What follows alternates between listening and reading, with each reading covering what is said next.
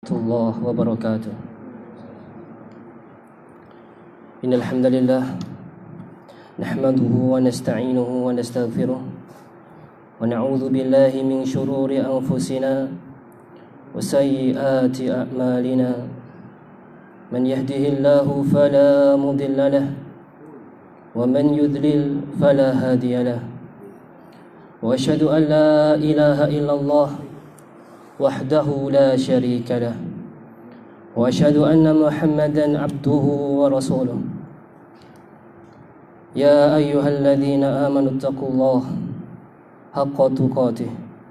ولا تموتن إلا وأنتم مسلمون. يا أيها الناس اتقوا ربكم الذي خلقكم من نفس واحدة. وخلق منها زوجها وبث منهما رجالا كثيرا ونساء. واتقوا الله الذي تساءلون به والأرحام. إن الله كان عليكم رقيبا. يا أيها الذين آمنوا اتقوا الله وقولوا قولا سديدا. يصلح لكم أعمالكم ويغفر لكم ذنوبكم. ومن يطع الله ورسوله فقد فاز فوزا عظيما. فإن خير الحديث كتاب الله وخير الهدي هدي محمد صلى الله عليه وسلم. وشر الأمور محدثاتها وكل محدثة بدعة وكل بدعة ضلالة وكل ضلالة في النار. Kaum muslimin hadirin wal hadirat yang dimuliakan Allah Subhanahu wa taala pada hari ini hari Rabu tanggal 8 Juli 2020 atau bertepatan dengan tanggal 17 Dzulqa'dah 1441 Hijriah dari hijrahnya Nabi Muhammad wasallam Pada hari ini pun merupakan hari yang spesial untuk kita semua. Setelah Allah Subhanahu wa taala menguji kita dengan turunnya wabah corona sehingga kita harus berdiam diri di rumah, ibadah di rumah, sampai sholat berjamaah yang harusnya kita lakukan di masjid, kita laksanakan di rumah bersama keluarga kita. Begitu juga kajian-kajian harus kita liburkan. Maka pada hari ini kita mulai kajian, kita patut bersyukur kepada Allah Tabaraka wa ta'ala Artinya semangat kita harus diperbarui lagi. Ternyata nikmat kesehatan, nikmat bertemu dengan saudara-saudara kita di pengajian, sungguh nikmat yang sangat luar biasa yang patut kita syukuri bersama. Para ummahat yang dimuliakan Allah Subhanahu wa taala. Rasulullah sallallahu alaihi wasallam khairul bashar. Beliau adalah sebaik-baik manusia yang diturunkan di muka bumi ini. Menjadi kutuah teladan bagi kita semua. Makanya orang sebaik Rasul Allah berikan istri-istri yang yang mulia. Allah berikan istri Aisyah, Ummu Salamah, Ummu Habibah, Hafsah, Orang-orang yang mulia Allah berikan untuk mendampingi Rasulullah sallallahu alaihi wasallam. Apa kata Allah Subhanahu wa taala dalam firman-Nya?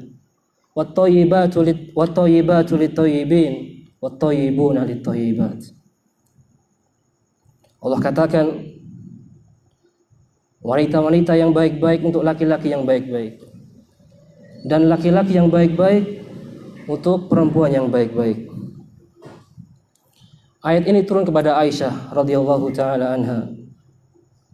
Oleh karenanya Allah tabaraka wa taala pilihkan Aisyah untuk Rasulullah sallallahu alaihi wasallam khairul bashar.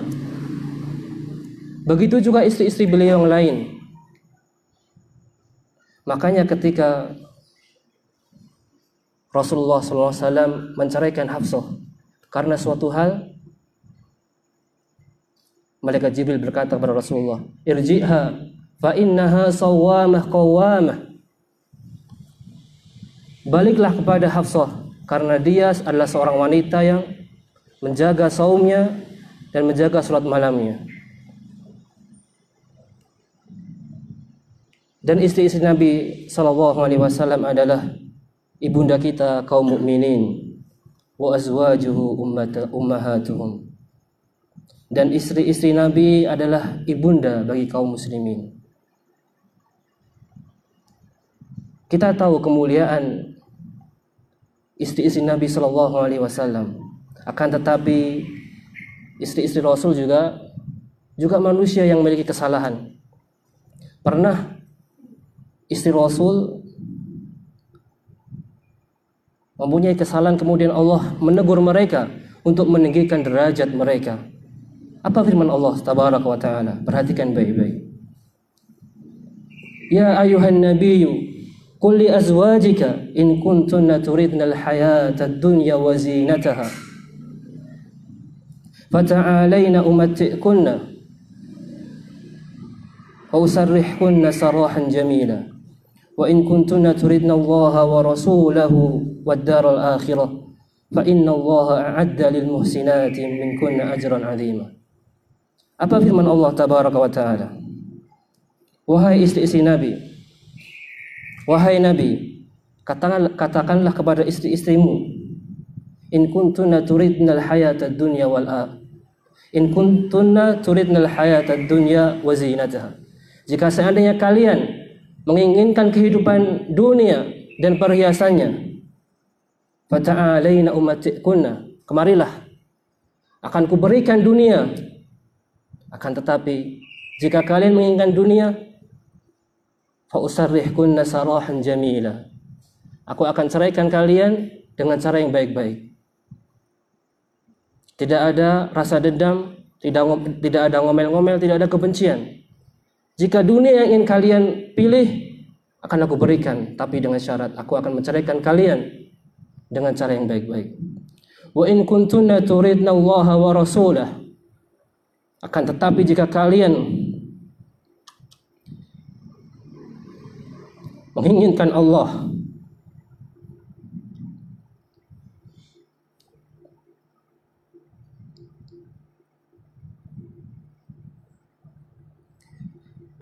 Jika kalian menginginkan Allah dan Rasulnya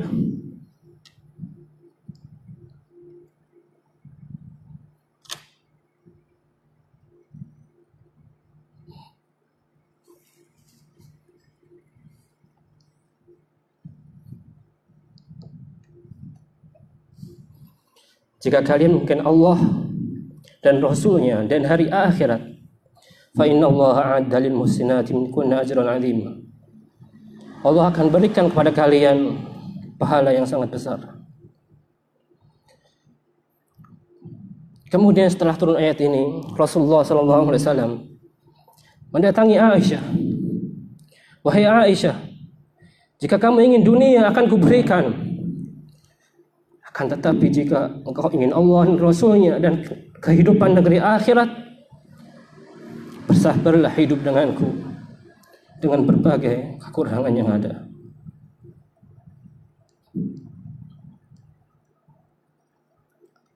Lantas apa jawab Aisyah?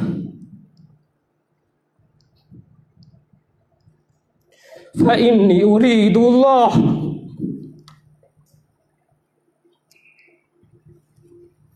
fa inni uridu Allah wa rasulah wa daral akhirah. Apa kata Aisyah?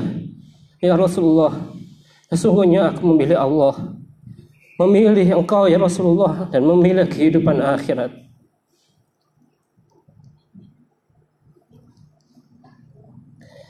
Kemudian setelah itu Rasulullah SAW mendatangi istri-istri beliau yang lain. Mendatangi Hafsah, Ummu Habibah, Ummu Salamah, Zainab dan istri-istri beliau yang lain dan mereka sepakat bahwasanya mereka memilih Allah, mereka memilih Rasulullah dan memilih kehidupan negeri akhirat yang abadi.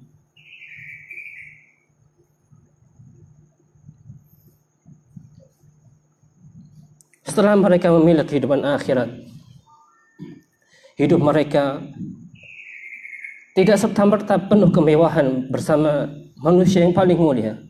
Hidup mereka penuh kesabaran, penuh kesederhanaan dan lain sebagainya.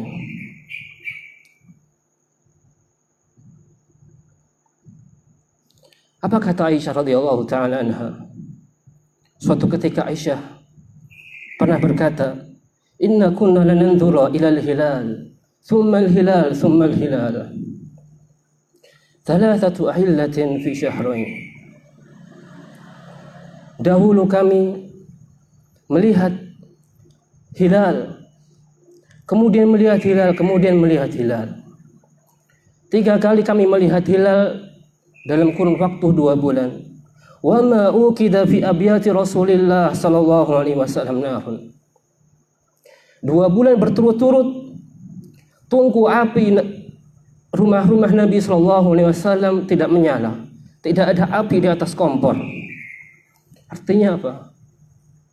Tidak ada sesuatu yang bisa dimasak ketika itu. Dua bulan, bayangkan.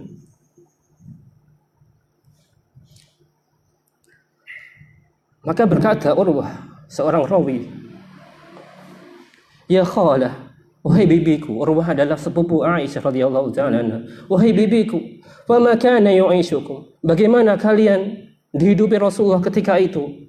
Fama ta'amukum? Apa makanan kalian waktu itu? Aisyah menjawab, Al-aswadani At-tamru al-ma'u wa tamru Hanya air putih dan tamar, kurma. Para umat yang dimuliakan Allah Tabaraka wa Ta'ala. Begitu susahnya kehidupan Nabi kala itu. Di, di rumahnya kompor nggak menyala. nggak ada sesuatu yang bisa dimasak. Hanya ada air putih dan kurma. Kalau kita bandingkan dengan kehidupan kita, sangat jauh kemarin ketika kita di lockdown. Alhamdulillah kita masih bisa makan nasi, masih bisa makan lauk pauk, masih ada sayur dan lain sebagainya. Gaji masih berjalan. Yang nggak ada gaji, Alhamdulillah kita dapat bantuan dari pemerintah. Kita bisa bisa makan tiga kali sehari. Anak-anak kita masih bisa makan. Bayangkan di rumah tangga Nabi Shallallahu Alaihi Wasallam tidak ada sesuatu yang bisa dimasak. Bahkan suatu hari datang seorang ibu beserta anaknya meminta makanan kepada ibunda Aisyah radhiyallahu taala anha. Ketika Aisyah pergi ke dapurnya, tidak ada sesuatu yang didapat kecuali satu butir kurma.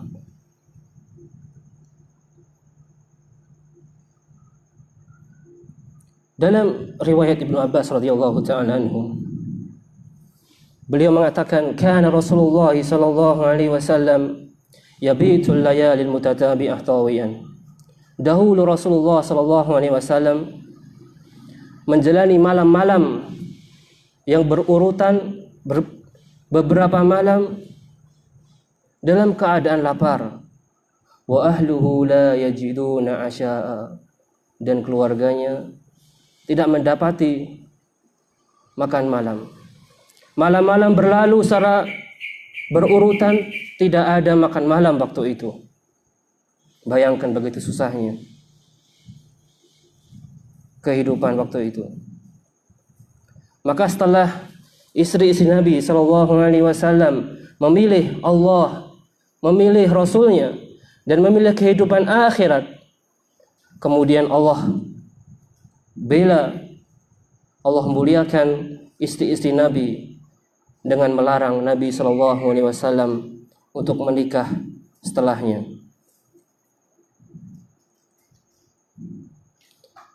Apa firman Allah Tabaraka wa Taala?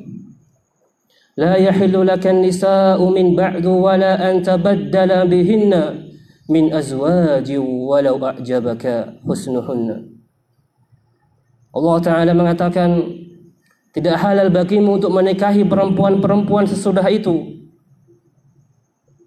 dan tidak boleh pula bagimu untuk mengganti mereka menceraikan mereka dengan istri-istri yang lain meskipun wanita-wanita lain tersebut menarik kecantikannya bagimu.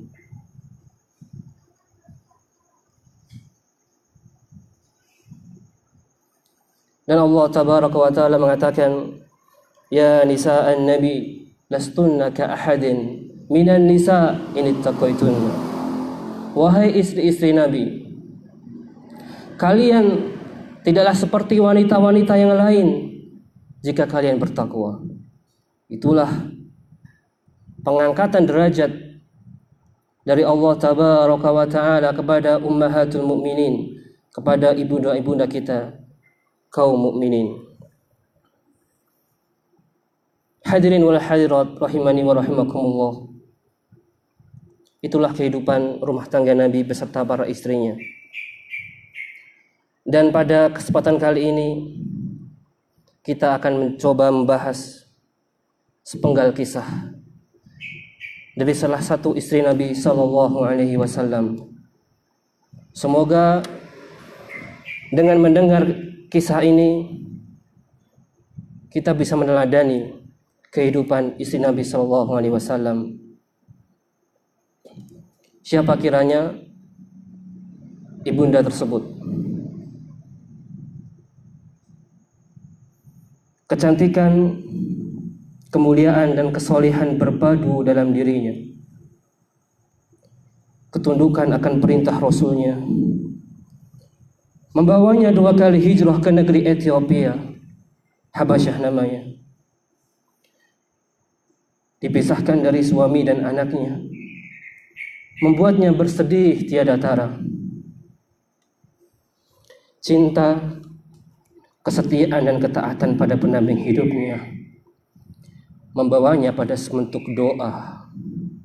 Doa yang berbuah manis berdampingan dengan hamba yang paling mulia. Kecerdasannya memecahkan berbagai masalah yang ada.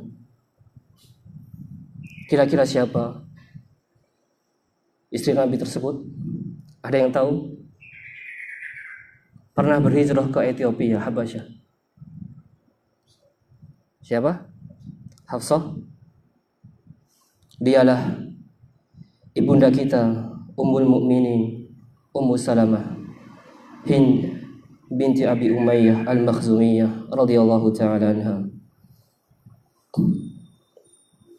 Jadi kita akan membahas ibunda kita Ummu Salamah radhiyallahu taala anha.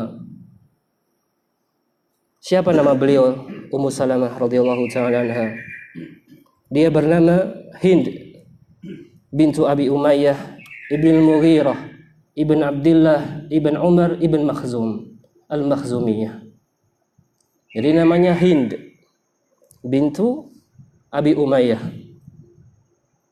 Beliau dilahirkan pada tanggal 24 sebelum Hijriah. 24 tahun sebelum hijrah Nabi Shallallahu Alaihi Wasallam ke Madinah. Kemudian bapaknya Sebelumnya beliau berasal dari kabilah Bani Makhzum. Sebuah kabilah yang masyhur ketika itu di kalangan kaum Quraisy. Bapaknya adalah seorang yang sangat dermawan. Ia dijuluki dengan Zadur Raqib. Kenapa dijuluki Zadur Raqib? Zadul Raqib artinya alladhi yuhdiru yuhdiru zat liman kana yarkabuna ma'ah. Kenapa dijuluki Zadul Raqib? Karena ketika orang-orang bersafar bersama Abu Umayyah baik itu 20 orang, 30 orang, 50 orang, 100 orang, semuanya nggak perlu adanya perbekalan. Semua perbekalan makanan, minuman, binatang semua sudah ditanggung oleh bapaknya Abu bapaknya Ummu Salamah yang bernama Abu Umayyah. Dia seorang yang sangat dermawan. Dikenal di kalangan Quraisy waktu itu. Kemudian ibunya bernama Atikah bintu Amir ibn Rabi'ah. Hadirin wal hadirat rahimani wa rahimakumullah. Kemudian suami Ummu Salamah. Suaminya bernama Abdullah ibn Abdul Asad ibn Hilal ibn Makhzum al-Qurashi. Suaminya bernama Abdullah ibn Abdul Asad. Dan dia juga termasuk sahabat yang mulia. Kemudian Ummu Salamah dan Abu Salamah adalah sepasang suami istri yang memeluk Islam di awal waktu. Ketika kaum kufar Quraisy semakin berat siksaannya terhadap kaum muslimin, semakin kuat penindasannya terhadap kaum muslimin, maka Rasulullah Shallallahu Alaihi Wasallam memerintahkan kaum muslimin untuk berhijrah ke negeri Ethiopia, Habasyah.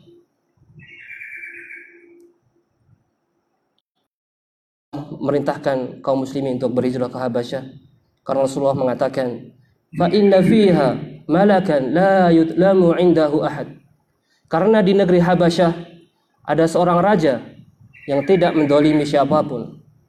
Seorang raja yang baik, maka pergilah Ummu Salamah dan Abu Salamah beserta kaum muslimin yang berjumlah berjumlah kira-kira 86 laki-laki dan perempuan. Mereka pergi ke Habasyah dengan naiki perahu membelah Laut Merah. Jadi Habasyah itu berseberangan dengan negeri Mesir di negeri Afrika. Ketika mau ke sana harus naik perahu dan tentunya perahu zaman dulu adalah perahu yang yang sangat kuno mungkin, terbuat dari kayu dan lain sebagainya. Bukan perahu yang sangat modern. Jadi begitu beratnya perjalanan hijrah ke Ethiopia. Kemudian beberapa waktu kemudian setelah mereka sampai di Habasyah terdengar isu bahwasanya kaum kufar kaum kufar Quraisy telah masuk Islam bahwasanya Islam telah kuat, bahwasanya Abu Jahal si orang bodoh telah masuk Islam, maka berbondong-bondonglah kaum muslimin kembali ke Madinah. Setibanya di Madinah, Rasulullah pun kaget. Maladhi ja'a bikum walam adantu lakum? Siapa yang menyuruhmu, menyuruh kalian kembali ke Madinah? Padahal aku belum mengizinkan kalian. Maka Rasulullah mengatakan, kembalilah kalian ke Habasyah maratan tsaniyah, kembalilah kalian ke negeri Ethiopia untuk kedua kalinya. Maka pergilah kaum muslimin di antaranya Ummu Salamah dan Abu Salamah. Setelah perintah hijrah datang dari Allah tabaraka wa taala kaum muslimin diizinkan hijrah ke kota Madinah maka Ummu Salamah dan Abu Salamah kembali ke Mekah. Tatkala mereka ingin berhijrah menyusul panutan Nabi Muhammad Shallallahu Alaihi Wasallam tidak semudah yang kita bayangkan. Apa kata Ummu Salamah? Ummu Salamah mengatakan, "Lama ajma Abu Salamah al-khuruja ila al-Madinah, rahala li ba'iruhu thumma hamalani alayh wa hamala ma'i ibni Salamah ibn Abi Salamah fi hijri." Ummu Salamah mengatakan, tatkala Abu Salamah telah menyiapkan untanya menyiapkan perbekalannya untuk membawa aku dan anakku menuju Madinah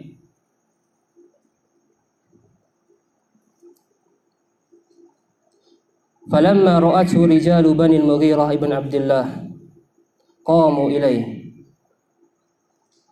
Akan tetapi saat itu Banul Mughirah, jadi kerabatnya Ummu Salamah mengetahui perjalanan hijrah Abu Salamah dan Ummu Salamah.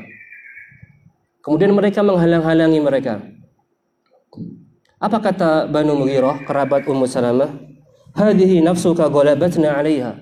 Ara'aita sahibataki ara'aita sahibataka hadhihi alama natrukuka tasiru biha fil bilad Wahai Abu Salamah adapun engkau kami sudah tidak peduli Coba lihat istrimu ini kami menikahkan istrimu ini bukan untuk diajak pergi ke negeri orang.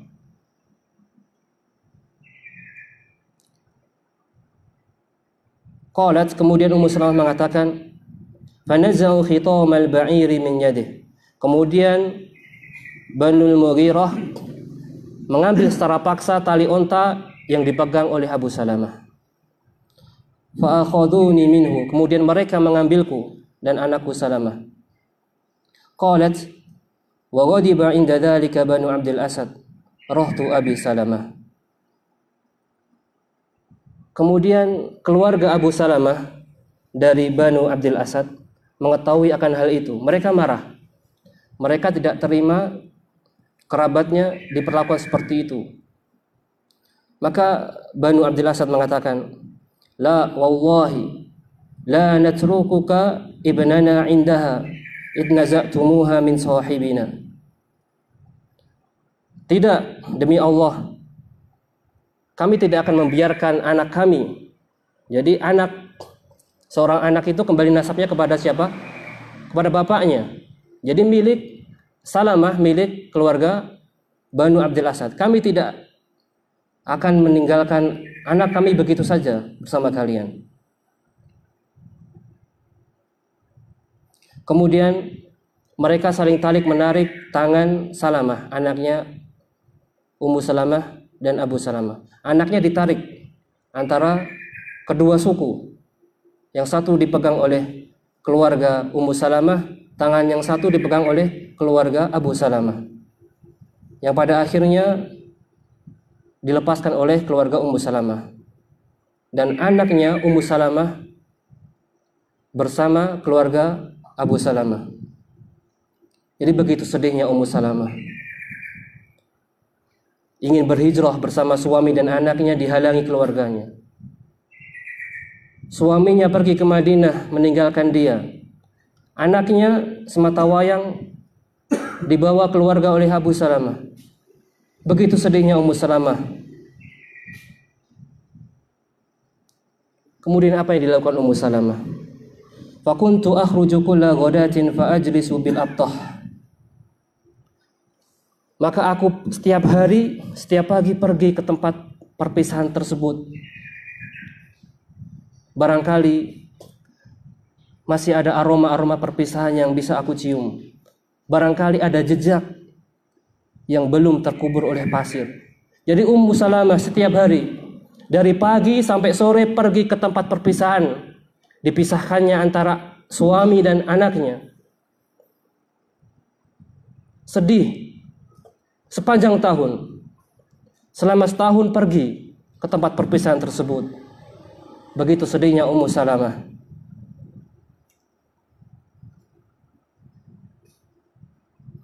Kemudian setelah sekira setahun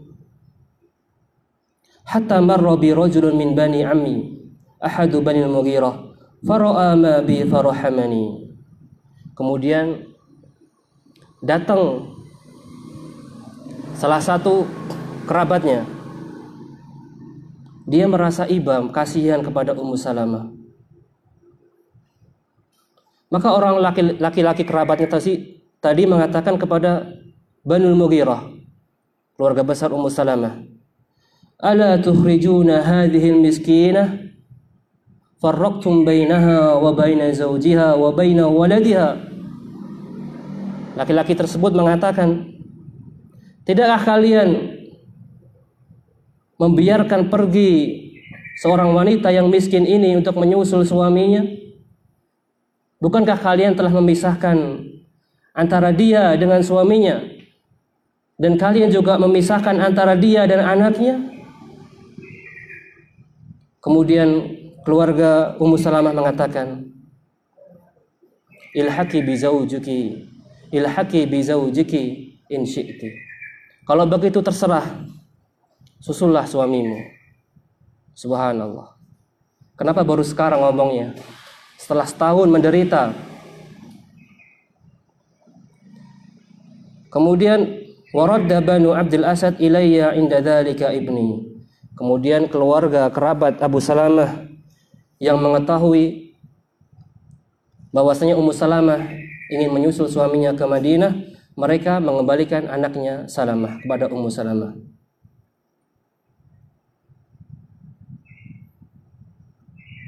Hadirin wal hadirat rahimani wa rahimakumullah. Kemudian setelah Ummu Salamah diizinkan untuk menyusul suaminya menuju Madinah, Ummu Salamah bersiap-siap menuju Madinah. Dia siapkan ontanya, siapkan perbekalannya.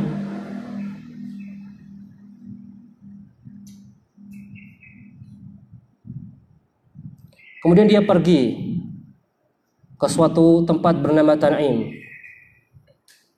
Tan'im adalah suatu tempat yang berjarak sekitar 7 km dari Masjidil Haram. Kalau Bapak Ibu pernah berhaji, Bapak Ibu tahu Masjid Aisyah, di situlah Tan'im.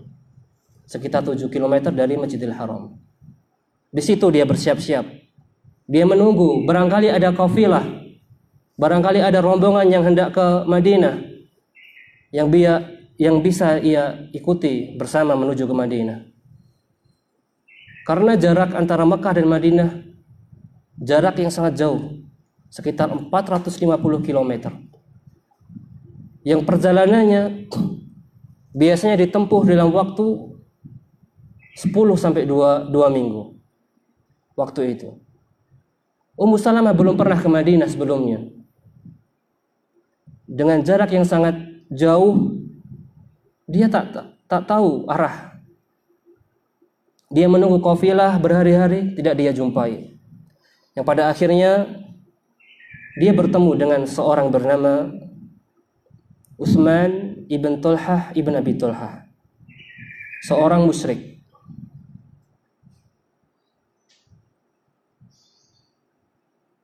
Maka berkata Utsman ibn Tulhah ibn Abi Tulhah, ila aina ya ila aina ya binta Abi Umayyah hendak ke mana engkau wahai putrinya Abu Umayyah Abu Umayyah sudah kita sebutkan tadi adalah seorang yang dermawan sehingga ia dikenal di kalangan orang-orang musyrikin. Sehingga ketika Utsman ibn Tolha ibn Abi Tolha melihat Ummu Salamah dia sudah tahu ini anaknya Karimah bintu Kiram. Ini anaknya ini orang yang baik anaknya seorang yang baik Abu Umayyah. Maka dia mengatakan hendak ke mana kamu wahai putrinya Abu Umayyah Fakultu uridu zawji bil Madinah Aku hendak menyusul suamiku yang berada di Madinah Maka Utsman bin Tulha mengatakan awama ma'aki ahad engkau sendirian, nggak ada teman ke Madinah? Qalat faqultu la wallahi illallahu wa bunayya hada. Tidak ada kecuali Allah dan putraku Salamah ini. Maka berkata Utsman ibn Talha, "Wallahi ma laki min matrab." Demi Allah, orang seperti ini tidak bisa ditinggalkan. Engkau harus diantar. Maka Ummu Salamah dan Salamah diantar oleh Utsman ibn Tolha. Fa'akhadha bi khitamil ba'iri fantalaqa ma'i yahwi bi. Utsman bin Tolha mengambil tali kekang onta, dia antar ke Madinah. Maka diantarlah Ummu Salamah dan anaknya. Tetapi ada suatu kejadian yang sangat bisa jadikan kita pelajaran. Bagaimana keadaan seorang wanita sendirian beserta anaknya?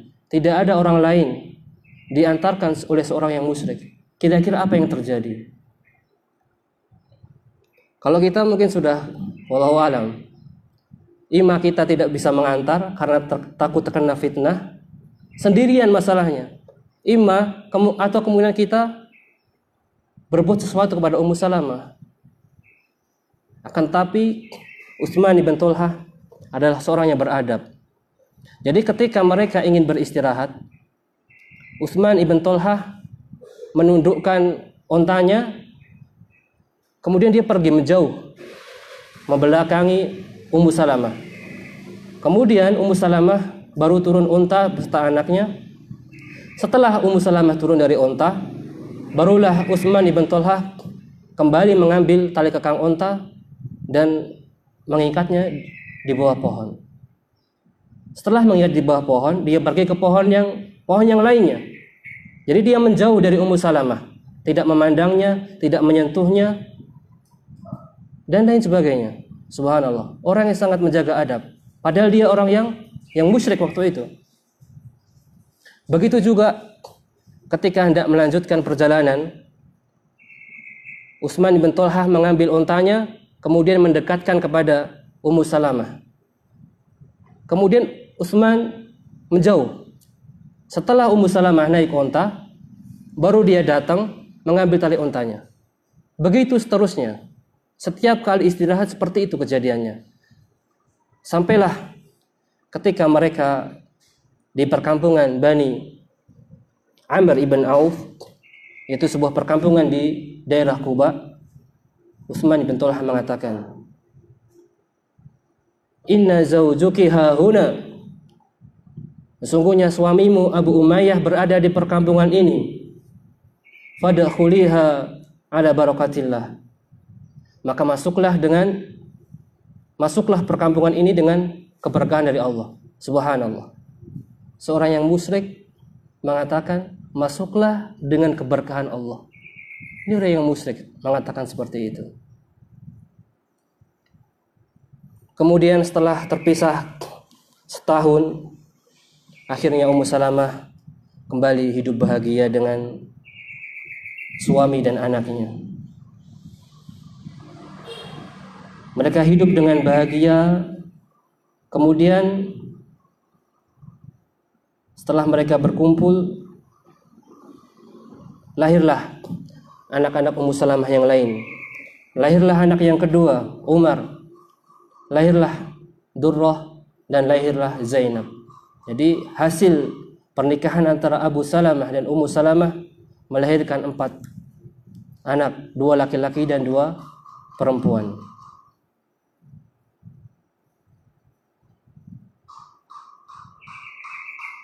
Kemudian tatkala Abu Salamah mengikuti perang Uhud, beliau mengalami luka. Yang mana luka tersebut mengantarkan beliau kepada kewafatan.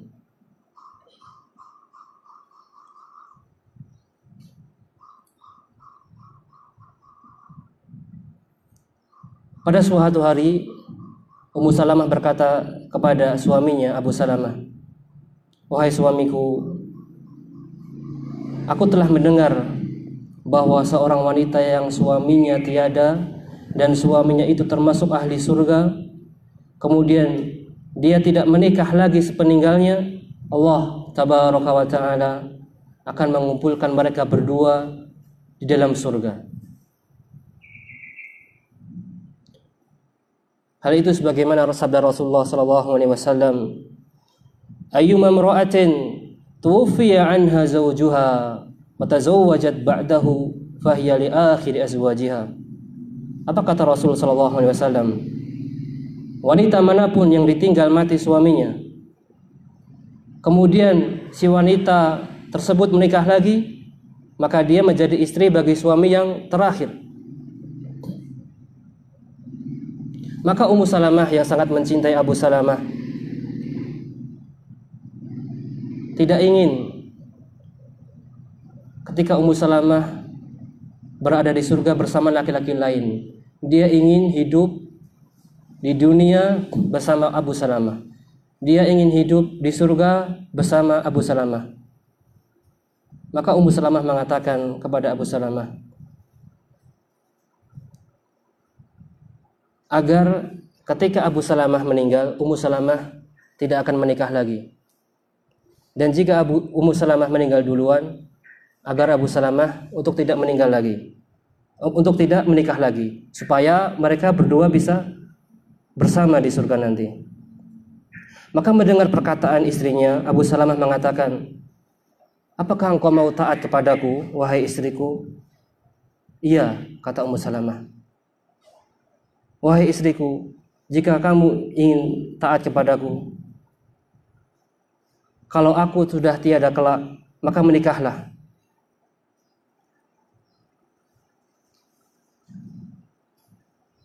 Jadi Abu Salamah nggak pengen ketika Abu Salamah meninggal, Ummu Salamah menjadi janda. Anaknya empat. Dia merasa kasihan Ummu Salamah. Dia meminta Ummu Salamah ketika Abu Salamah meninggal nanti agar Ummu Salamah, Ummu Salamah menikah lagi dengan laki-laki yang lain.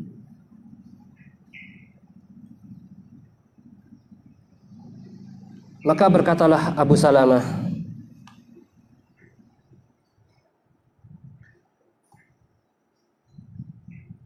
Laqad sami'tu min Rasulillah sallallahu alaihi wasallam qaulan surirtu bih. Sungguh aku telah mendengar dari Rasulullah sallallahu alaihi wasallam sebuah perkataan yang membuatku bahagia. Dia berkata, "La yusibu ahadan minal muslimin musibatun fayastarji'a inda musibatih." Tidaklah seorang muslim yang ditimpa musibah fayastarji'a, kemudian ia ber, beristirja mengucapkan inna lillahi wa inna ilaihi raji'un thumma yaqulu Allahumma ajurni fi musibati wa akhluf li khairan minha illa fu'ina dzalika bih. Setelah ia beristirja mengucapkan inna lillahi wa inna ilaihi raji'un kemudian ia berdoa Allahumma inni ajurni fi musibati. Ya Allah berikanlah pahala atas musibahku ini. Wakhlufli khairan minha. Dan berikan ganti yang lebih baik darinya illa fu'ila dzalika bih kecuali Allah akan mengabulkan doa tersebut. Maka berkata Ummu Salamah fahafidtu dzalika min. Maka aku menghafal doa tersebut. Kemudian tatkala Abu Salamah wafat Kultu Ummu Salamah mengatakan Allahumma ajurni fi musibati wa khlufli khairan minha. Ummu Salamah mengucapkan sebuah doa yang telah dia hafal dari suaminya. Allahumma ajurni fi musibati. Ya Allah, berikanlah pahala atas musibahku wa khlufli khairan minha dan berikan ganti aku yang lebih baik darinya. Kemudian dia berpikir dalam hatinya, Memangnya ada yang lebih baik dari Abu Salamah. Dia kekasihku, sahabat yang mulia, seorang mujahid fisabilillah, seorang yang penyayang istri dan anaknya. Memangnya ada yang lebih baik dari Abu Salamah. Kemudian setelah berakhir masa idah Ummu Salamah para sahabat berbondong-bondong untuk mengkhidbah Ummu Salamah. Jadi zaman dahulu ketika ada janda, para sahabat saling berlomba-lomba untuk menikahi janda tersebut. Bukan karena apa, tapi karena memang ini janda adalah istri teman-temannya, istri sahabat Nabi Shallallahu Alaihi Wasallam. Mereka punya anak yang harus dinafkahi, jadi motifnya bukan karena syahwat saja, tapi karena memang di antaranya membantu temannya, membantu kawannya. Maka datanglah siapa yang datang? Datang Umar, seorang yang gagah, perkasa, seorang yang ganteng, kaya raya. Datang menkhidbah Ummu Salamah farodatsu. Ummu Salamah tolak Subhanallah. Umar sahabat yang mulia ditolak sama Ummu Salamah. Kemudian datang Abu Bakar, sahabat yang mulia, sahabat terbaik, seorang yang kaya raya, seorang yang lembut hatinya. Farodatsu Ummu Salamah. Ditolak sama Ummu Salamah. Kemudian datang siapa yang datang? Datanglah Rasulullah Sallallahu Alaihi Wasallam Rasulullah datang mengkhidbah Ummu Salamah.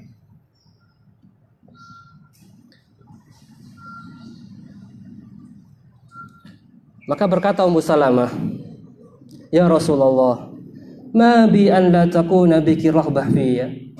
Ya Rasulullah siapa yang wanita mana yang tidak ingin menjadi pendampingmu ya Rasulullah? Sebagaimana aku tentu ingin menjadi pendampingmu. Akan tetapi ya Rasulullah aku tidak bisa menerima pinanganmu karena tiga alasan. Apa itu alasannya? Ummu Salamah mengatakan yang pertama walakini imra'atun syadidatu ghairah. Kan tapi aku ini orangnya pencemburu ya Rasulullah. Alasan yang kedua, wa ana imra'atun qad dakhaltu sin ya Rasulullah. Yang kedua, aku ini perempuan yang sudah berumur. Kemudian alasan yang ketiga, wa ana dzatu ayalin anakku banyak empat maka Rasulullah SAW dengan kecerdasannya menjawab alasan-alasan yang dikemukakan Ummu Salamah. Apa kata Rasulullah? Perhatikan baik-baik. Amma ma dzakarti minal ghairah wa sawfa yudhibuha Allahu minki. Adapun alasan yang engkau sebutkan bahwasanya engkau adalah perempuan yang pencemburu, maka Allah akan menghilangkan kecemburuan tersebut darimu. Doa Rasulullah makbul. Kemudian wa amma ma dzakarti minasin Adapun yang kau sebutkan bahwasanya kamu telah berumur wa ana qad dakhaltu. Aku juga berumur. Aku juga sudah berumur. Waktu itu umur Rasulullah 50-an, sekitar 57 tahun. Sedangkan Ummu Salamah berapa waktu itu?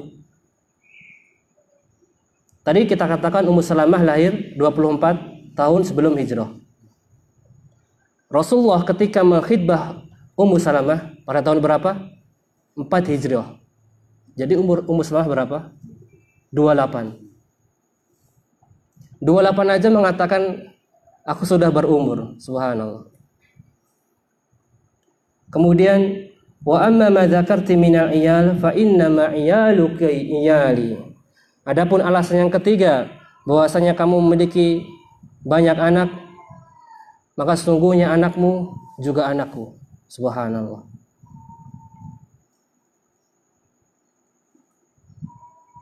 Faqalat Ummu Salamah Faqad salamtu li Rasulillah sallallahu alaihi wasallam. Kemudian Ummu Salamah pada akhirnya menerima pinangan dari Rasulullah sallallahu alaihi wasallam.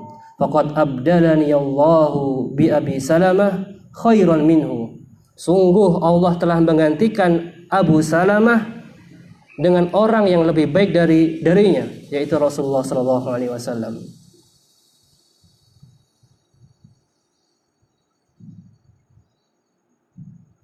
Kemudian ketika Rasulullah sallallahu alaihi wasallam menikah dengan Ummu Salamah. Rasulullah tinggal di rumahnya Abu di rumahnya Ummu Salamah selama tiga hari. Maka tatkala Rasulullah Shallallahu Alaihi Wasallam hendak pergi menuju ke istri-istri yang lain, maka Ummu Salamah meminta agar Rasulullah memperpanjang masa tinggalnya di Ummu Salamah. Rasulullah mengatakan, Innahu laisa biki ala ahliki hawanun. Wahai Ummu Salamah, ngomong saja. Enggak ada hinanya kamu bilang kepada suamimu. Kalau kamu ingin ngomong, ngomong saja. In syi'ti sabba'tu laki wa in sabba'tu laki sabba'tu li nisa'i. Jika kamu ingin aku tinggal di rumahmu sebanyak tujuh hari, maka aku juga akan berikan giliran kepada istri-istri yang lain sebanyak tujuh hari tujuh hari pula. Jadi ini adalah ini teori poligami. Bapak kalau ada yang poligami nggak asal ada teorinya.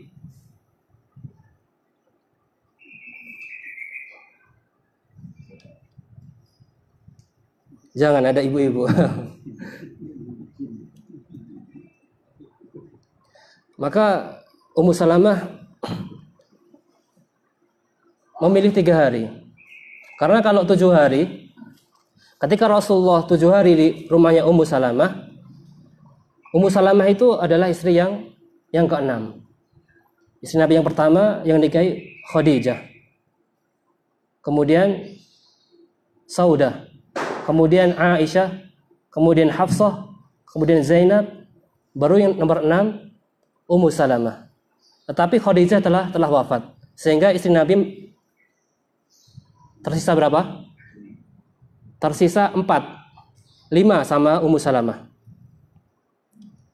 Kalau tujuh hari di rumah um, Ummu Salamah, tujuh hari di rumah Saudah, tujuh hari di rumah Aisyah, tujuh hari di rumah Hafsah, tujuh hari di rumah Zainab, berapa hari jadinya? 28 hari. Jadi Ummu, Ummu Salamah harus menunggu 28 hari baru kemudian ke tempat Ummu Salamah. Kalau tiga hari, tadi Rasulullah tinggal tiga hari di rumah Ummu Salamah, maka Rasulullah hanya menggilir di rumah istri-istri yang lain hanya satu hari. Satu hari di rumah Saudah, satu hari di rumah Aisyah, satu hari di rumah Hafsah, satu hari di rumah Zainab. Hanya menunggu empat hari Rasulullah kembali lagi ke rumah Ummu Salamah. Maka Ummu Salamah memilih tiga satu satu satu. Hadirin wal hadirat rahimani wa rahimakumullah. Sampai jam berapa kajian? Maghrib? So. Para ummahat yang dirahmati Allah tabaraka wa taala. Kemudian keutamaan Ummu Salamah. Ummu Salamah memiliki keutamaan-keutamaan. Keutamaan yang pertama adalah fakana sadaquha radhiyallahu taala anha ka sadaqi Aisyah. Rasulullah tatkala menikahi Ummu Salamah memberikan mahar seperti mahar yang Rasulullah berikan kepada Aisyah. Apa itu? Sohfatun kathifah, karpet yang tebal. Wa firashun hasbuhu lif, kasur yang diisi serat. Kemudian waroha dan penggilingan. Intinya barang-barang ini adalah barang-barang yang berharga di waktu itu. Rasulullah berikan mahar seperti maharnya Aisyah kepada Ummu Salamah. Kemudian Keutamaan yang kedua, wa kanat radhiyallahu taala anha min ajmali nisa'i. Ummu Salamah adalah istri Nabi sallallahu alaihi wasallam yang paling cantik. Yang paling cantik. Sampai-sampai Aisyah pun mengakuinya. Jadi beredar omongan di masyarakat begitu bahwasanya kecantikan Ummu Salamah ini luar biasa sehingga terdengar oleh Aisyah. Aisyah pun juga penasaran seperti apa cantiknya Ummu Salamah. Sehingga ketika Aisyah berkesempatan melihat kecantikan Ummu Salamah, dia mengatakan memang benar kecantikan Ummu Salamah itu berlipat-lipat daripada yang digambarkan oleh orang-orang. Subhanallah. Ia mengakui seperti itu, berlipat-lipat daripada apa yang ia dengar maka Hafsah bilang ke Aisyah, "Wahai Aisyah, engkau bilang seperti itu tuh karena engkau cemburu. Engkau cemburu, engkau bilang berlipat-lipat kecantikannya. Coba kamu lihat lagi."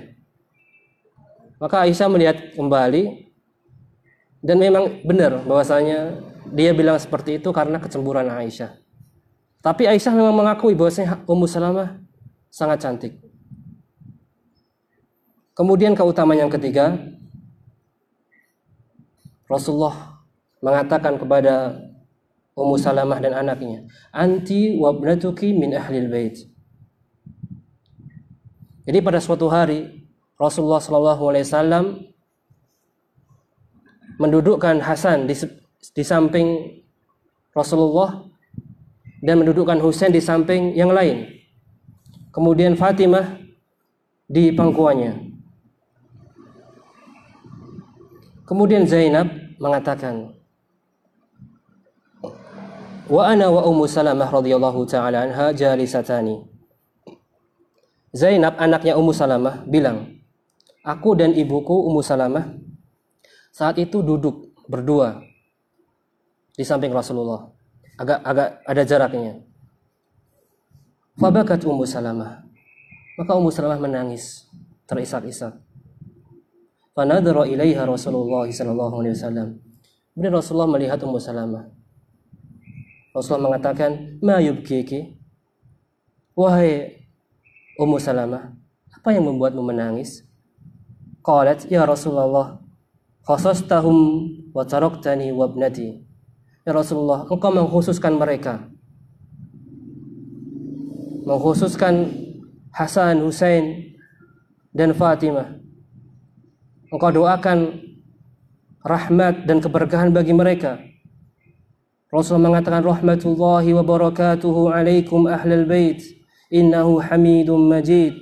Jadi tatkala Rasulullah mendudukkan Hasan dan Husain di samping Rasulullah dan memangku Fatimah, Rasulullah mendoakan rahmat dan keberkahan untuk mereka bertiga.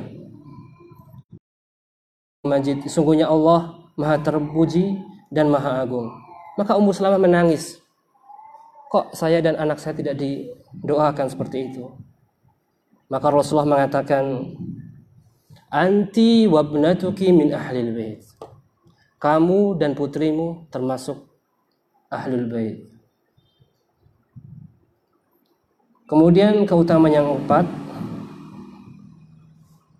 Jadi Rasulullah itu ketika menggilir istri-istrinya, Rasulullah memulai dari dari Ummu Salamah dan mengakhiri di rumah Aisyah. Ini kemudian yang luar biasa memulai dari Ummu Salamah, bukan memulai dari istri yang lain. Karena keutamaan yang dimiliki Ummu Salamah. Kemudian keutamaan Ummu Salamah yang kelima adalah wa kana Nabi sallallahu alaihi wasallam yukarrimuha wa yahdiha. Rasulullah memuliakan Ummu Salamah dan memberinya hadiah. Rasulullah mengatakan kepada Ummu Salamah, "Inni qad ahdaitu ila an-najashi hullatan wa wa awaqiya min misk. Sungguh aku telah memberikan hadiah kepada Raja Najasyi Hullatan Perhiasan dan beberapa ukiyah.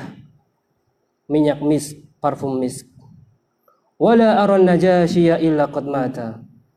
Akan tetapi aku melihat Raja, Nasya, Raja Najasyi telah tiada.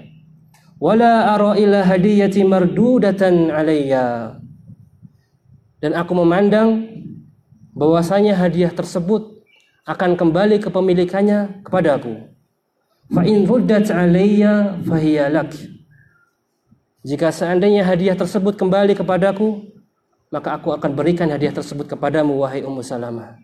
Subhanallah.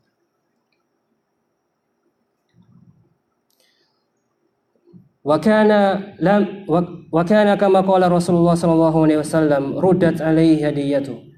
Kemudian benar Hadiah tersebut dikembalikan kepada Rasulullah sallallahu alaihi wasallam. Fa'ata kullu imra'atin min nisa'ihi uqiyata uqiyata misk. Rasul memberikan hadiah tersebut dibagikan kepada istri-istrinya setiap istri sebanyak satu uqiyah misk. Wa'ata Ummu Salamah baqiyatal miski wal hullah. Dan memberikan kepada Ummu Salamah sisanya. Jadi sisa uqiyah yang lebih banyak diberikan kepada Ummu Salamah beserta perhiasannya. Para ummahat yang badan bapak-bapak sekalian yang dimuliakan Allah tabaraka wa taala. Kemudian Ummu Salamah selain kesolehan, selain kesetiaan, selain kecantikan, Ummu Salamah juga terkenal dengan kecerdasannya. Jadi wanita yang sangat cerdas, Coba kita lihat kisahnya. Kita perhatikan baik-baik. Ketika terjadi peristiwa Hudaybiyah. Jadi tatkala pada tahun 6 Hijriah, Rasulullah Shallallahu alaihi wasallam beserta 1400 kaum muslimin hendak pergi umroh ke kota Mekah. Enam tahun mereka meninggalkan negerinya. Maka tatkala mereka sampai di Hudaybiyah orang-orang kaum orang-orang kaum kafir Quraisy melarang kaum muslimin untuk memasuki kota Mekah. Dan terjadilah apa yang terjadi di antaranya adalah perjanjian Hudaybiyah. Di antara bunut, jadi isi dari perjanjian tersebut adalah kaum muslimin dilarang umroh pada tahun ini. Mereka harus kembali ke kota Madinah. Maka para sahabat tidak terima dan jengkel. Enam tahun meninggalkan negerinya. Enam tahun tidak umroh. Mereka kangen rindu dengan Ka'bah. Rindu untuk umroh. Sudah sampai di Hudaybiyah, dekat.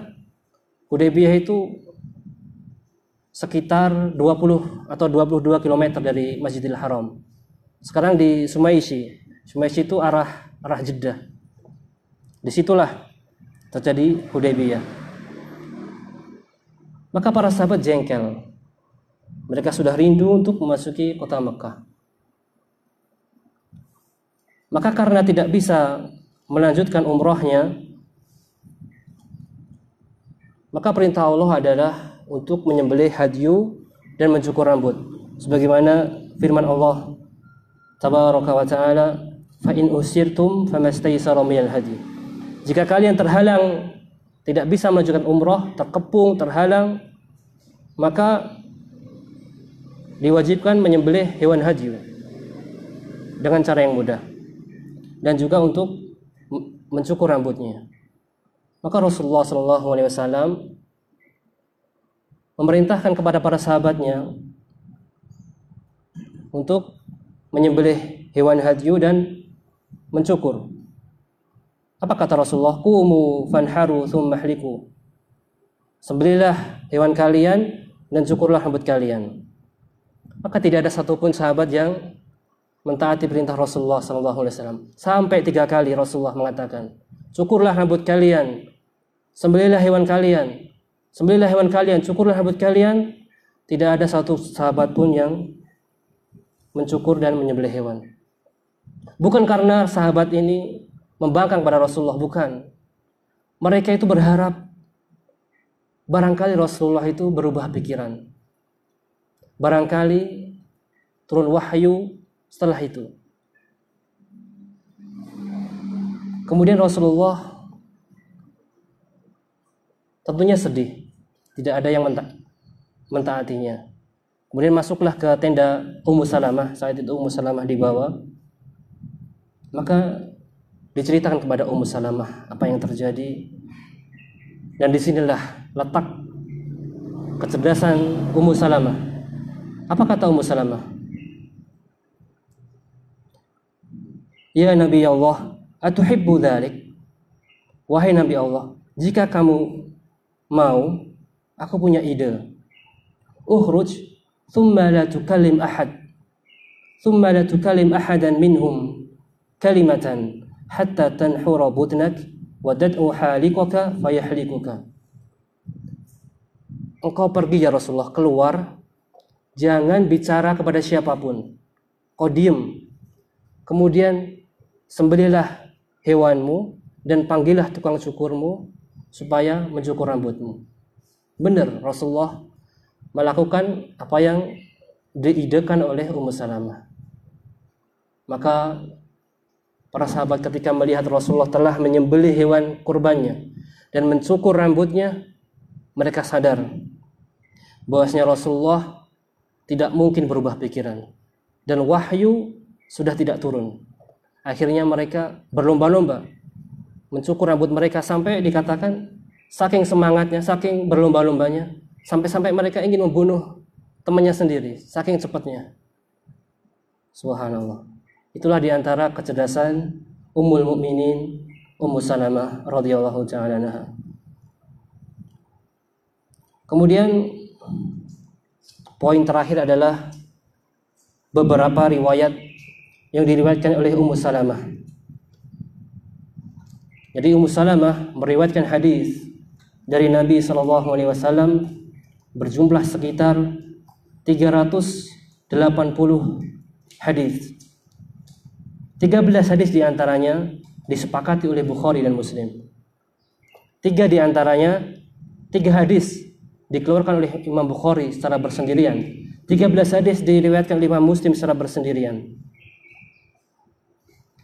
Kemudian hadis-hadis yang diriwayatkan oleh Ummu Salamah itu kebanyakan berkisar berputar sekitar taklim, pendidikan, tauji dan lainnya. Di antara hadis yang diriwayatkan Ummu Salamah adalah hadis bahwasanya anna Nabi sallallahu alaihi wasallam kana yuqabbiluha wa huwa sha'im. Nabi sallallahu alaihi wasallam mencium Ummu Salamah ketika Nabi berpuasa. Jadi di sini ada dalil bahwasanya seorang yang berpuasa boleh mencium istrinya. Tentunya dengan dikendalikan syahwat. Kemudian yang kedua, Hadis yang diriwayatkan Ummu Salamah, kanat taktasilu ma'ahu minal ina al-wahid minal janabah. Pernah mandi bersama Rasulullah sallallahu di satu satu ember bersama Nabi. Ya, Rasulullah yang sudah berumur pun juga keromantisannya ada bersama Ummu Salamah. Rasul mandi sama Ummu Salamah di satu wadah ketika mereka mandi janabah. Subhanallah. Bapak-bapak nggak ada salahnya mencoba sama istrinya. Bukan aib, ini adalah sebuah keromantisan dalam rumah tangga. Kemudian hadis yang ketiga adalah kanat tanamu ma'an Nabi sallallahu alaihi wasallam fi lihafin wahid. Ummu Salamah ini pernah tidur bersama Rasul dalam satu selimut. Subhanallah. Kemudian yang keempat, wa annaha kanat ta'tiha al-haidah. Ketika Ummu Salamah datang haid, Rasulullah bertanya, "Ana fisti, apakah engkau sedang nifas, sedang haid?" Berkata Ummu Salamah, "Na'am." Iya wahai Rasulullah. Maka berkata Rasulullah, "Qumi fa aslihi halaki thumma udi." Berdirilah dan bersihkan badanmu Kemudian kembalilah bersamaku. Fa'alqaitu anni thiyabi. Kemudian aku lepaskan pakaianku. Walabistu thiyabi haidati. Kemudian aku pakai pakaian haidku. Thumma utu fadakhaltu ma'hu al-lihaf. Kemudian aku kembali kepada Rasulullah dalam satu selimut. Hadirin wal hadirat rahimani wa rahimakumullah. Kemudian wafatnya Ummu Salamah. Ummu Salamah radhiyallahu taala anha meninggal pada tahun 61 Hijriah. Sehingga umur beliau sekitar 84 tahun sebagaimana yang disebutkan oleh Ibnu Hibban rahimahullah. Kemudian ada juga yang mengatakan bahwasanya beliau wafat pada pada umur 90 tahun. jamaah yang dimuliakan Allah tabaraka wa taala begitulah kisah dari Ummu Salamah radhiyallahu taala anha istri Nabi sallallahu alaihi wasallam khairul bashar sebaik-baik manusia. Maka Allah tabaraka wa taala juga berikan istri-istri yang salihat. Semoga dengan kisah ini kita bisa mengambil ibrah sebagai kudwah panutan kita. Kita bisa mengamalkan dalam kehidupan rumah tangga kita bersama suami dan anak-anak kita demikianlah karena waktu yang sudah sore kita akhiri kajian kita pada hari ini. Semoga Allah tabaraka wa taala menjadikan kita orang-orang yang soleh dan solehat keluarga kita keluarga yang sakinah mawadah warahmah keluarga yang penuh kebahagiaan. Dan Allah subhanahu wa ta'ala kumpulkan kita di surganya kelak demikian apabila ada salah kami mohon maaf. Assalamualaikum warahmatullahi wabarakatuh